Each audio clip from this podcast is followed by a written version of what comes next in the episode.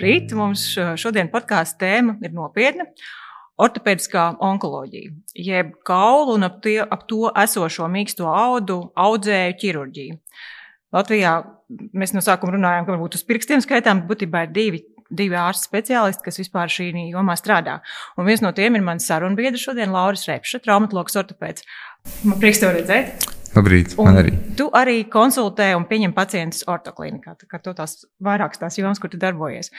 Um, varbūt, ka precizējot to lauku, kaulu onkoloģiju, vispār audzēji, cik Latvijā gadījumu gadā šādi ir? Cik pacienti nāk klāt? Jā, tātad e, tie audzēji ir divējādi. Ir tādi, kas pacienta dzīvību neapdraud, un ir tādi, kas pacienta dzīvību apdraud. Par laimi, lielākā daļa ir tādi, kas nerada draudus cilvēku dzīvībai. Tie varētu būt 70-80% e, no visiem veidojumiem, ko mēs satiekam.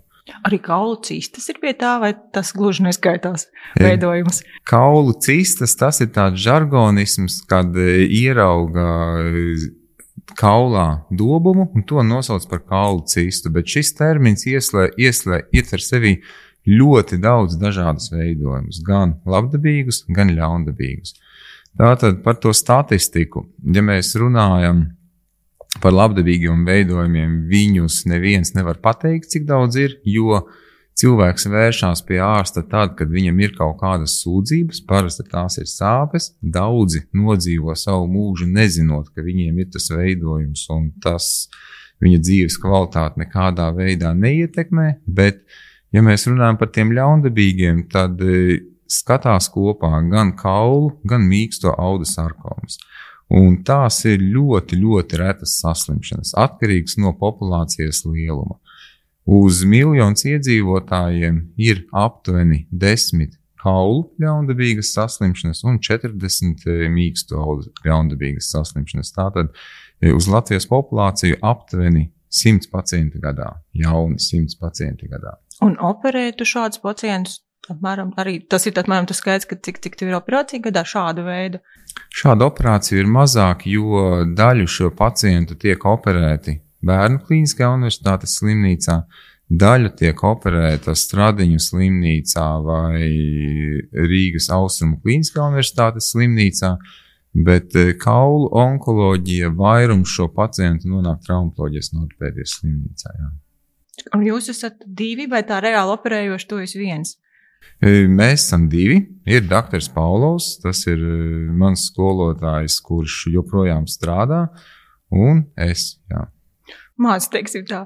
Klau, nu, man liekas, ka es, es pieņemu, ka šo, tev šo jautājumu uzdod bieži, un tomēr par to izvēli. Nu, rezidentūrā, nu, liekas, vieglāks ceļš artroskopijas, viss ir paredzami, viss ir droši, piecreiz dienā tu to dari, viss skaisti. Kā, kā tev tāda izvēle? Ļoti nevienkārši visādā ziņā. Neprāt, kā mēs tagad zinām.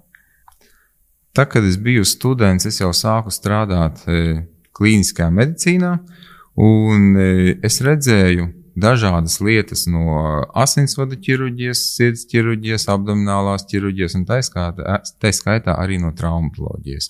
Un es redzēju, ko dara doktors Paulovs. Man tas likās ļoti saistoši. Protams, ir e, vienkāršākas lietas, drošākas lietas, bet e, katram mums ir savs redzējums dzīvē. Ka būtībā tev aizrāva speciālistus. Tas viņa, viņa harizma, tas bija tas, kas tev aizrāva, var, var tā teikt. Drīzāk e, tā problēma, jo medicīna ir vismaz ortopēdijā diezgan standartizēta. Un, ja mēs skatāmies atroskopijas vai endoprotezēšanas, tur ir ļoti daudz standartu, kam ir jāpieturās, bez variācijas iespējām. Turpretī katrs onkoloģiskais gadījums ir stipri atšķirīgāks un tā variabilitāte ir daudz lielāka man aizrāva tas, ka tajā jomā ir nepieciešams principā viss no ortopēdijas, kas ir darāms. Mēs nevaram ļoti šauri nospecializēties. Tur ir jāmāk osteosintēze, endoprotezēšana, plastiskā ķirurģija, mīksto audu operācijas. Tas viss iet kopā. Tas bija tas, jā. Jā, tas bija tas interesantais, kas man patika. Ja mēs apakaļ, apakaļ pie zemes, kā vispār diagnosticē, kā vispār uzzina cilvēks, ka viņam ir kaula audzējs, Cilvēki nāk e, pie ārsta ar sūdzībām, un tas, par ko viņi sūdzās, ir sāpes. Nevienmēr tie ir ļaundabīgi audzēji. Vairumā gadījumu tie tomēr ir labdabīgi, kas ir progresējuši tik tālu, ka mums ir jā, kaut kas jādara. Kaut gan liela daļa ir tādi, kas cilvēkam sūdzības vispār nerada, viņi citu iemeslu dēļ ir taisījuši izmeklējumus un tur ieraudzīja mūsu iepriekš pieminēto cistu kaulā. Un tad cilvēki grib zināt, kas tas ir, kādas ir viņa prognozes, kādi ir riski, vai kaut kas ir jādara vai nav jādara. Par tām sāpēm tas ir kaut kā līdzīgi. Piemēram, cilvēkam sāp potīte vai cēlis, tas ir kaut kas tāds, vai tās tomēr ir savādākas sāpes, ar kuriem, kur, kurām cilvēki vēršas. Tas laika kritērijs ir vismaz trīs nedēļas. Sāpes ir progresējošas, tās nav saistītas ar fizisko slodzi, un e, ir jālieto pretsāpju medikamenti.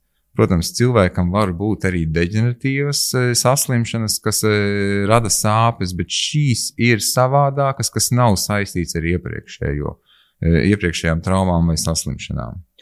Un kā tas ir? Tu viņus satiec savā kabinetā, vai tomēr tas ceļš pavisam savādāks, ka kādi citi ārsti pie tevis nosūta, vai tikpat labi te ar to var kāds atnākt un teikt, lūk, man te kaut kas sāp, vai kā tas vispār, kā tā loģistika līdz tevī nonāk? E, es teikšu, divas trešdaļas pacientu ir atsūtītas no citiem speciālistiem, jo e, reti kurš pacients pēc trim nedēļām sāk meklēt palīdzību.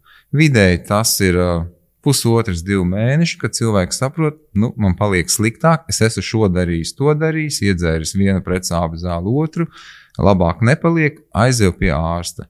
Un tas ir tas izglītojošais darbs, ko mēs veicam, lai speciālistus reģionos un, un, un tepat Rīgā apmācītu un informētu, ka ir tādas lietas, kā viņas atpazīt, un tad viņi zina to tiešāko ceļu, kā sūtīt.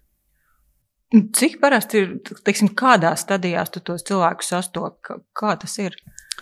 Vairums pacientu ir tādās stadijās, kad mēs šo problēmu varam atrisināt.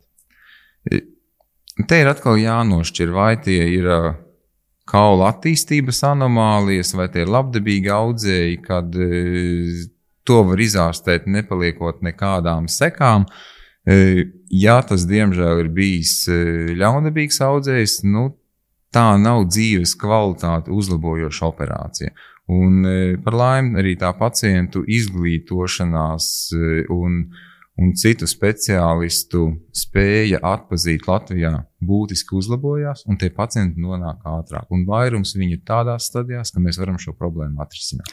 Labdabīgi audzēji arī rada sāpes vai kaut kādas sūdzības. Nu, teicu, ka pārsvarā nē, cilvēks var nodzīvot pat nezinot, bet principā varbūt arī tā, ka labdabīgs audzējs kaut kādā veidā rada sāpes. Jā. Var. Jā. Es teikšu, ka to labdabīgo audzēju, kas ir jāārstē, ir pat vairāk nekā to īsti ļaundabīgu. Un, protams, tā, tā sūdzība ir, ir sāpes, ar ko viņi atnāk. Kādos izmeklējumos, kā to diagnosticē, ar kādiem izmeklējumiem? Tas ir vienkārši rengenā jau redzēt, ka tur ir kaut kāda šāda tavas, tavas jomas problēma, bet tur tomēr daudz nopietnākam izmeklējumam ir jābūt, lai saprastu, par ko ir stāsts. Tas, ar ko ir jāsāk, ir rengens. Jā. 80% e, gadījumu rengens speciālistam, kas pārzina šo jomu, sniedz atbildi. Tad ir skaidrs, kas tas ir. Ir situācijas, kad mums nekas arī vairāk nav jādara. Mēs uztaisām rengenu, ieraugam to, to veidojumu kaulā, izrunājam, ko darām, ko nedaram, kāda nākotnes perspektīva. Ja ir vajadzīgi papildus izmeklējumi, tad to jau tālāk nozīmē speciālists, kas ir magnētiskā rezonance. Tas ir visbiežākais magnētiskā rezonance sāpošai vietai, un tad mēs varam vairāk spriest. Es saprotu, ka noteikti uz to nav viennozīmīgas atbildes medicīnā, jo vispār nav skaidrs, kāpēc tieši nu, attīstās onkoloģija. Un tomēr kaulos, kādēļ sāk veidoties, vismaz kā tu to skaidro, kādēļ kaut kādas izmaiņas notiek un sāk veidoties šie procesi, gan labdabīgie, gan ļaundabīgie. Es pacientiem šo jautājumu vienmēr pacientu uzdodu. Es atbildu tā. Mēs visi piedalāmies loterijā uz vienu miljonu 50 lozes ir pilnas. Nu, mēs nezinām, kurš izvelk pilno lozi. Šiem audzējiem nav absolūti nekādu priekšvēstnešu vai iepriekšējo eh, problēmu vai dzīvesveida, kas to var provocēt. Tātad, tā ir sagadīšanās. Saki, kā tu uztver onkoloģiju? Nu, tāpēc, ka tā nav tāda vienkārša ķirurģija, kur tu attaisīji sašuvis, attaisīji visu kārtībā. Tur ir kaut kāds svešais iekšā. Kā tu vispār uztver audzējs? Kas tas tāds ir? Kā, nu, varbūt pat mazais filozofisks jautājums ir, bet jā, bet kā tu skaties uz, uz to pretinieku tur priekšā? Mūsu organismā katru dienu veidojas audzēju šūnas. Organisms pats ar viņām tiek galā, e, viņas iznīcinot. Diemžēl ar dažām viņš netiek galā. Jā, es eh, klausoties vispār, kur tu esi arī sociālos tīklos, kaut kur uz dažādām intervijām, daudz kur runājis. Ir, piemēram, operācijas, kas tev ilgst astoņas stundas. Kas notiek? Nu, es saprotu, ka tur ļoti daudz procesu. Tas atkal nav tikai izņemt audzēju, ka tas ir vesels tāds uh, process, kas tur notiek. Astoņas stundas operācija. Kas notiek šajās operācijās? Vai visas audzēju operācijas ir šādas tik ilgi? Ļaundabīga audzēju operācijās e, svarīga ir kvalitāte tas ir daudz būtiskāk nekā ātrums, jo e, katra mazākā kļūda pacientam dod diezgan lielu varbūtību, ka mēs tiksimies atkārtoti. E, tas nav viens speciālists, kas taisa šo operāciju. Tā ir, tā ir brigāde, kurā piedalās e, kopā ar anesteziologiem, operāciju māsām parasti ap desmit cilvēku un e, tur ir vairāki ķirurgi. Tātad ir tādas operācijas, ko dara viens pats ortopēds, bet, e, ja ir nepieciešams, e, mums ir multidisciplināra komanda, kurā ir plastikas ķirurgs, kurā ir vertebrologs, jeb mugurkaulāja ķirurgs. Un tad mēs katrs darām to lietu, kurā mēs esam specializējušies. Jo tik ilgās operācijās visi nogurst, un tā kļūda varbūtība būtiski pieaug. Tāpēc mēs cenšamies e, to sadalīt, ja ir iespējams. Tā kā, tā kā, tā kā viens nomaina otru tādā jā, ziņā. Jā, vai mēs kāds... E, no galda, operāciju galda neetējot, visi strādājam kopā, bet e, katrs dara to lietu, ko viņš vislabāk pārzina. Un tad tas rezultāts ir vislabākais pacientam. Es saprotu, ka droši vien nevar tā pavisam vispārnāt, un tomēr kas notiek šī veida operācijās? Kas, kas, ir tas, kas ir tas uh, process, kas tur notiek? Jā. Tātad eh, no tā tehniskā viedokļa šīs nav pusnakts operācijas. Šīm operācijām ir ļoti nopietni jāgatavojas, ir jāizplāno pirms operācijas, ko mēs darīsim, lai nepieļautu kļūdas. Un tas operācijas galvenais eh, mērķis ir izņemt audzēju vienā blokā laukā, veselo audu robežās. Tātad, Kādēļ eh, tas ir svarīgi? Jā, man, es to es dzirdēju no tevis, bet kāpēc? Kādēļ viņš ir jāizņem tā viss un vien, vienlaicīgi, ka nevar pa gabaliņiem, piemēram? Jā, tad tās ir audzēju šūnas, kas nekontrolēti vairojās. Un, ja mēs operācijas laikā kaut kāda iemesla dēļ to audzēju atveram vaļā, mēs tās šūnas, ko mēs gribam paturēt audzējā iekšā, atkal ielaižam cilvēku ķermenī. Tātad mēs dodam diezgan lielu uh, garantiju, ka pacientam būs recidīvs un prognoze būs būtiski sliktāka. Tad viens moments ir izņemt šo visu apjomu ap, tas ir jā, un jā. tālāk, kas notiek. Tātad mēs izņemam laukā, tas ir tas, es teikšu, riskantākais moments, kas nosaka, kāda būs ilgtermiņa prognoze. Un pēc tam mums ir jāsaprot, vai mums ir kaut kas jārekonstruē vai nē. Tie varētu būt mīksti audi, kas ir lielā daudzumā izņemti kopā ar audzēju. Tas varētu būt kauls, kājās, rokās, e, vai tas varētu būt kāda daļa no mugurkaulā. Un, ja šī rekonstrukcija ir vajadzīga, un to jau mēs zinām pirms operācijas plānojot, tad to mēs arī darām atkarībā no tā, kas ir nepieciešams. Vai tās ir pacientam speciāli sagatavotas endoprotēzes, vai tā ir mugurkaulāja fiksācija, vai arī rekonstrukcija ar leveriem. Tas ir pārnesot apziņotus mīkstos audus no vienas vietas uz citu vietu. Un tas ir, tas ir tas noslēgums. Ja? Tas ir tas noslēgums. Jā, un atkarībā no tā, cik daudz mums kas ir jādara, nu, tas vidējais mūsu operāciju ilgums ir 3 līdz 5 stundas. Kāda ir tā perspektīva pret, pret šādu audzēju operācijām? Jā, kāda ir tā dzīvības un vispār kā tas izskatās? Nu, es saprotu, ka ir dažādi, ļoti dažādi gadījumi, bet tomēr bet tā var vispārināt. Jā, vispārinot. Tātad e, svarīgi, vai pacients ir laicīgi vērsies, vai nav tā, ka mēs sakām, piedod, vilciens ir aizgājis, mēs pēdējā vagonā nespējam ielikt vairs iekšā. Uh, ja viss ir labi un mēs esam pareizi visu izplānojuši un pareizi visu izdarījuši, e, mēs cilvēkam dodam garantiju 70%. Dzīve nebūs iespējams kā pirms šīs operācijas, bet nu, tā nav dzīves kvalitāte uzlabojuša operācija. Skaidrs, kā izskatās audzējs? Nu, mēs varam iztēloties, kā izskatās audi, bet kā, kā izskatās audzēji? Padomi laikos bija tāda metode, kad audzēju izņēma laukā, turpat uz operāciju galda, viņu pārgrieza, atvēra, paskatījās, pabrīnījās. Jā. Mūsdienās tā nenotiek. Jā. Tad, principā, es viņu neredzu. Ja es viņu gribu ieraudzīt, es dodos nākamajā dienā uz histoloģijas laboratoriju, kur notiek tā audzēja izpētīšana, un tad es arī apskatos, kā viņš izskatās. Ja? Bet tie ir uh, audi, kas visbiežāk ir brūnā, dzeltenīgā krāsā. Pilnīgi savādāku struktūru nekā vajadzētu būt, un viņi vizuāli atšķirās. Bet operācijas laikā, kā jau teicu, ir mērķis neieraudzīt šo audzēju. Es biju gaidījis, ka, teiks, ka viņš ir ļoti neglīts, bet es tā neteicu. Nē. Tavs vārds, viņš arī nu, vairāk kārt ir izskanējis pirmo reizi Latvijā, unikāla operācija. Nu, savā ziņā tas, protams, ir ļoti patīkami, bet es domāju, nu, ko tas tev maksā, ka tas tomēr ir nu, tas stresa līmenis un tas, tas ne, nu, nezināmā līmenis, viņš ir ārkārtīgi liels. Tiksim, nu, šeit lielākā daļa operāciju ļoti paredzams. Mēs visu darām paredzam, mēs zinām, ka tas drošība ir ļoti liela. Kā tev ir ar to nedrošību, ar to varbūtību, ka tas viss var, tas, tās astoņas stundas var, tiksim, neizdoties? Ko tas maksā? Sirmas matus. Nav redzami. ir, ir. Bet ir tā, lai šādas lietas darītu, mums jāzina, ko mēs darām.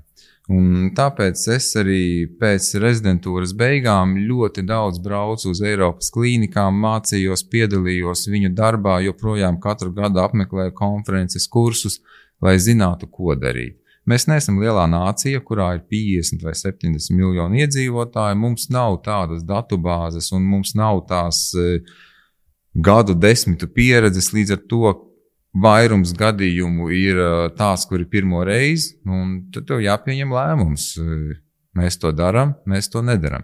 Jo vairāk zināšanas un drosmes, nu, jo vairāk mēs uzdrīkstamies. Plus, protams, tā ir komanda, kas ir ieinteresēta. Tas nozīmē, ka tas nav, ka tu tā, nu, tā ir operācija, un tu vienkārši nāk, tu atnāc nākamā rītā uz to operāciju. Tas nozīmē, ka pirms tam ir nu, tāds ļoti nopietnas gatavošanās posms, laikam, pirms katrām šādām jaunām operācijām, var teikt. Jā, tad e, ir vairāk vai mazāk standartizētas operācijas, kas e, īpaši sagatavošanos neprasa.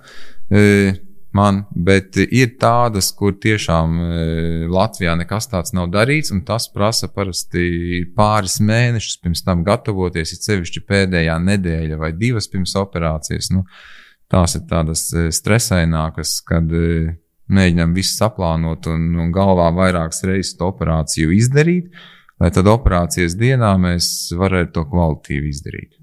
Kas priekš tevis ir neizdošanās? Vispār kā tu ar to vari sadzīvot? Kā es teicu, šīs operācijas ir ļoti rūpīgi izplānotas pirms tam, lai no šādām situācijām izvairītos, bet, diemžēl, mēs visu dzīvē izplānot nevaram. Un e, tas, kas priekš manīm personīgi ir neveiksme, ja pacientam ir recidīvs. Tā tad e, Diemžēl kaut kur ir bijusi plānā kļūda, bet tādu situāciju ir ļoti maz. Principā Latvijā to varētu nedarīt. Kāpēc tev ir svarīgi, ka tas ir pieejams šeit un ka to var izdarīt šeit? Jo tā lielā mērā droši vien ir tā izvēle. Tu to varēji nu, nepiedāvāt šādu risinājumu. Jā, tas ir tas, kas vēsturiski ir bijis. Kāpēc? Tāpēc, ka Tie ir ļoti augsti riski. Tā nav pārgalvība, jo esot pārgalvīgam, mēs neapzināmies riskus. Šeit mēs riskus apzināmies. Un e, katram mums ir savs mērķis, sava, sava motivācija, un mēs e, gribam kaut ko pierādīt sev, pamatā jau sev. Un beigās palīdzēt pacientam. Augstā latiņa pierādīšanas. Jā. Protams, ir iespēja šos e, pacientus sūtīt uz, e, uz ārvalstu klīnikām, bet e, katru gadu satiekot šos cilvēkus konferencēs, uz kurieni Latvijas pacienti brauc, tu saproti, ka viņi ir tieši tādi paši cilvēki kā tu. Ar savām bailēm, ar savām nedrošībām, varbūt viņiem ir lielāka pieredze. Nu, es saku, man ir vēl jaunība. Nu, tā arī taisnība. Es par tādu emocionālo pusi, jo cilvēks, kuram ir onkoloģija, nu, tur ir ļoti, liekas, maz pozitīvu emociju. Tur ir ļoti eksistenciāls bailes, tur ir nu, dusmas, tur ir viss kaut kas. Es domāju, ka tas lielā, nu, gribi, negribi, tas kaut kā rezonē uz tevi arī. Kā tu ar šo vispār tiec galā? Ja ne, nesaskaries ar pozitīvām emocijām, es tā domāju, varbūt pēc tam, bet jā, kā tu ar to tolerē vispār to? Jā, šī ir ļoti aktuāla tēma, par ko pasaulē runā bailes pirms operācijas un vēl lielākas bailes pēc tam, jo e, tā nav tikai operācija, ko mēs veicam, tie ir pirmie divi, trīs gadi, kad pacients e, sēž uz pulveru mutes un gaida. Vai būs recidīvs, vai būs metastāzes, vai nebūs. Ja pirmie pieci ir gadi pagājuši bez e, notikumiem, tad cilvēks var atslābt, ja, un viņš taistos regulāri izmeklējumus. Protams, neviens pacients neietnāk ar smaidu sejā un, un uzzinot, ka viņam ir šāda nopietna diagnoze. Viņš nav priecīgs, bet ir runa par to, ko viņš satiek sev pretī. Ja viņš satiek pretī nepārliecinātu cilvēku, kurš saka, es nezinu, kas būs, būs kā dieviņš būs lēmis, tas varbūt tas nav pareizais stils. Ja, cilvēks, um, ja cilvēkam ar šādu diagnozi pretī sēž speciālists, kurš var pateikt, mēs darīsim tā, šitā, un, un uzticieties, man man ir saprotams ceļš, kā mēs varam iet, lai es jums varētu sniegt maksimāli labāko palīdzību, e, tad tie cilvēki sāk e, uzticēties, viņi nomierinās, un viņiem ir vismaz sajūta, ka kāds viņus vada pa šo ceļu. Tas ir ļoti būtiski. Jā, ka ir kaut kāda cerība. Jā. Jā. Arī nevienkāršs uzdevums nest to cerību. Tā, saki šeit, ortoklinikā, kas ir tā joma, ar ko vispār pie tevis var nākt šeit, ar ko pierakstīties? Kādu palīdzību meklēt? Ne, tās lietas, ar ko es arī citos brīžos ārpus onkoloģiskās eh, ārstēšanas nodarbojos, tās ir eh, endoprotezēšanas, gūžas, ceļa locītava endoprotezēšana, traumu seku ārstēšana, eh, endoprotēžu revīzijas un cilvēki, kuriem ir eh, kāda no manām iepriekš minētajām problēmām, vai tiešām ir kāds aizdomas par onkoloģisku saslimšanu, vai viņu citi speciāli nosūta, speciālisti nosūta, lūdzu. Arī šeit, ortoklinikā. Jā, arī šeit mēs varam sākt to sarunu un, un, un, un saprast, kas mums tālāk ir jādara. Es par tādu vispār kopumā, varbūt uz, uz noslēgumu jau ejot, bet tomēr kopumā man liekas, ka nevienā no tām jomām, kur tu darbojies, nav humora vispār. Kā tu viņu sev kaut kā uzturi, vai kā tu, nu, tomēr nu, bez tāda, ka vienkārši nav iespējams. Jā, tas stresa faktors ir diezgan liels šī jomā. Tas, kas man palīdz uzturēt labu garastāvokli, ir fiziskās aktivitātes. Man patīk skriet. To es daru gadus, 25. Pēdējā laikā man arī patīk distanču slēpošana, un šīs e, fiziskās aktivitātes ir tās, kas man ir vajadzīgas, lai es noņemtu to stresu, sakārtot savas domas un, un būtu gatavs nākamajai dienai jauniem izaicinājumiem. Plus, protams, e, tās e, labās situācijas, kad mums viss ir izdevies kā plānots, un es satieku to cilvēku pēc gada, pēc pieciem, un redzu, ka viņam viss ir labi. Un, Nesoties to, ka viņam dzīvē šai jomā nav paveicies, nu, mēs esam izdarījuši maksimumu. Tas Jā, arī ir dzīves, un viņš var staigāt, laikam tomēr viņam ir paveicies. Ko tev varbūt ir mācījusi vispār saskara ar onkoloģiju, ar vispār šo saslimšanu, varbūt kaut kādu, nu, nezinu, vai, vai, vai ar šiem pacientiem, vai vispār kaut kādu, varbūt kaut ko par dzīvi, viņi tev ir kaut kā devusi kaut kādu skatījumu uz lietām? Novērtējam to, kas mums ir. Tajā brīdī, kad es satieku tos jaunos cilvēkus, kuriem ir 20 gadi, 30 gadi, viņiem ir lieli plāni, bet, diemžēl, viņiem ir šāda slimība. Un, e, tas ļauj paskatīties uz, uz, uz tām visām lietām, kas mums notiek nedaudz savādāk, cik īstenībā daudz mums ir, un, un tas būtu jānovērtē. Skaidrs. Paldies tev liels par sarunu. Vispār paldies liels par to, ko tu dari. Līdz kaut kādai citai reizei ar tevi kādā sarunā. Paldies! Paldies!